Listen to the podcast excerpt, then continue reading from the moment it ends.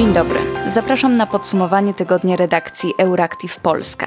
Nazywam się Patrycja Goski i opowiem Wam, co działo się w tym tygodniu na świecie. Dzisiaj będzie między innymi o dymisji Piotra Wawrzyka oraz trwającej kampanii wyborczej. Premier Mateusz Morawiecki nieoczekiwanie zwolnił wiceministra spraw zagranicznych Piotra Wawrzyka. Odpowiadał on za wydawanie wiz cudzoziemcom oraz za utworzenie obwodów do głosowania za granicą. Jako uzasadnienie zwolnienia wiceministra podano brak satysfakcjonującej współpracy. Do dymisji doszło 31 sierpnia, tuż po wizycie CBA w resorcie. Dymisja nastąpiła, aby przeciąć jakiekolwiek wątpliwości, wyjaśnił Mateusz Morawiecki. Szef rządu przyznał, że wie o toczącym się postępowaniu wyjaśniającym, ale nie ujawnił, czego ono dotyczy. Zapewnił natomiast, że odpowiednie służby będą mogły przedstawić informacje, jeśli uznają to za stosowne. Wiem o takim postępowaniu wyjaśniającym, które trwa i stąd ta dymisja, powiedział Morawiecki. Wawrzyk stracił również miejsce na liście wyborczej PiS, choć miał mieć na niej wysoką pozycję. Według medialnych doniesień CBA wykryło w Ministerstwie Spraw Zagranicznych układ korupcyjny, w który ma być uwikłany również były wiceminister Wawrzyk. CBA ma teraz badać korupcję przy wydawaniu wiz i powiązania otoczenia wiceministra z firmami sprowadzającymi pracowników z Azji.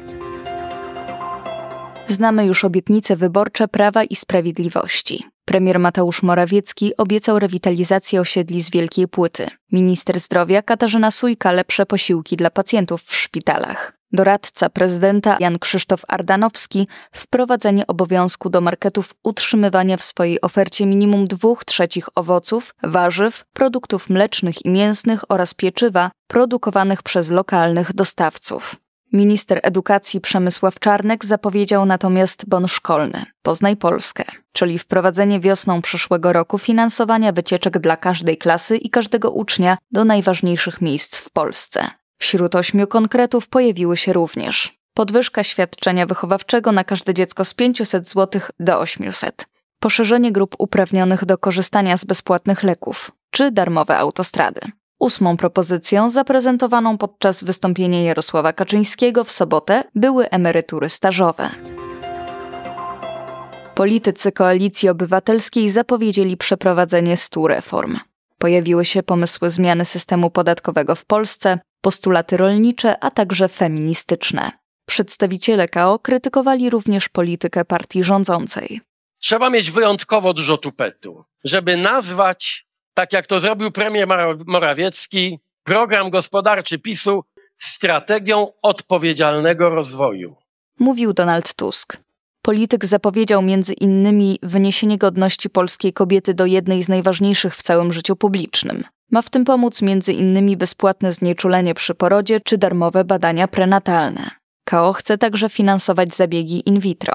Lider wchodzącej w skład koalicji Agrounii Michał Kołodziejczak zapowiedział natomiast utworzenie funduszu stabilizacyjnego dla rolników. Poza tym zapowiedziano m.in. niższe podatki dla pracujących, podwyższenie kwoty wolnej od podatku do 60 tysięcy złotych, a emerytury do 5 tysięcy złotych i podwyżki dla nauczycieli. Przyjrzyjmy się teraz zestawieniu sondaży. Jak mogą głosować Polacy? O ile we wszystkich sondażach pierwsze i drugie miejsce zajmują kolejno Prawo i Sprawiedliwość oraz Koalicja Obywatelska, tak końcówka stawki wyborczej wydaje się być raczej niepewna. W sondażach nie znalazły się badania opinii odnośnie Komitetu Bezpartyjnych Samorządowców, którzy niespodziewanie zarejestrowali listy w 21 okręgach wyborczych w Polsce, co dało im możliwość kandydowania jako Komitet Ogólnopolski. Zestawiamy sondaże Kantaru, Social Changes, Research Partner, United Service i Ibris. Ze średniej wynika, że PiS cieszy się poparciem około 36%, KO 29%, Konfederacja 11%, Trzecia Droga dobija do 9%, Lewica ma natomiast tylko 8%. Rzeczywiste sympatie polityczne Polek i Polaków poznamy 15 października. Grzegorz Płaczek, działacz Konfederacji i jedynka tej formacji na liście w Katowicach, pozwał w trybie wyborczym posłankę Magdalenę Biejat za słowa, które publicznie wypowiedziała w czasie wiecu wyborczego w Częstochowie 26 sierpnia. Płaczek poczuł się urażony słowami Biejat, która mówiła o Konfederacji jako o brunatnej sile, w nawiązaniu do mundurów bojówki niemieckiej partii NSDAP.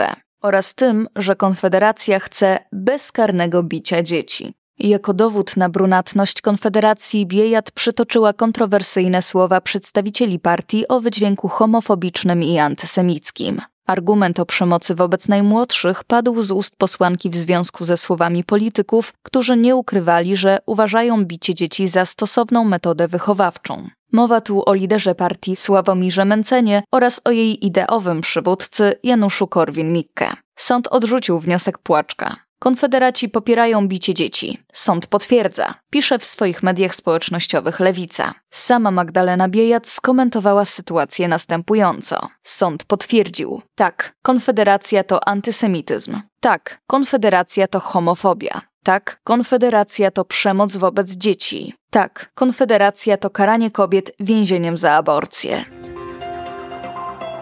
Przewodnicząca Komisji Europejskiej Ursula von der Leyen wygłosiła 13 września coroczne orędzie o stanie Unii Europejskiej. Duża część wystąpienia została poświęcona migracjom i polityce zagranicznej oraz sytuacji Ukrainy. Przewodnicząca Komisji Europejskiej skupiła się jednak także na nowych możliwościach współpracy, kwestiach dotyczących środowiska, gospodarki i technologii. Szefowa komisji zapewniła też, że wspólnota nie zboczy z kursu, jeśli chodzi o Zielony Ład. Swoje doroczne przemówienie Ursula von der Leyen zaczęła od przypomnienia o zbliżających się wyborach do Parlamentu Europejskiego. Będzie to czas na podjęcie decyzji o tym, jakiej przyszłości i jakiej Europy chcemy. Wskazała, dodając, że wybory odbędą się już za mniej niż 300 dni. W swoim przemówieniu przewodnicząca podkreśliła też to, co udało się już osiągnąć w ramach Zielonego Ładu. Przewiduje on, że Europa ma stać się kontynentem neutralnym dla klimatu do 2050 roku. Według Ursuli von der Leyen Unia udowodniła, że modernizacja i dekarbonizacja mogą być przeprowadzane równocześnie.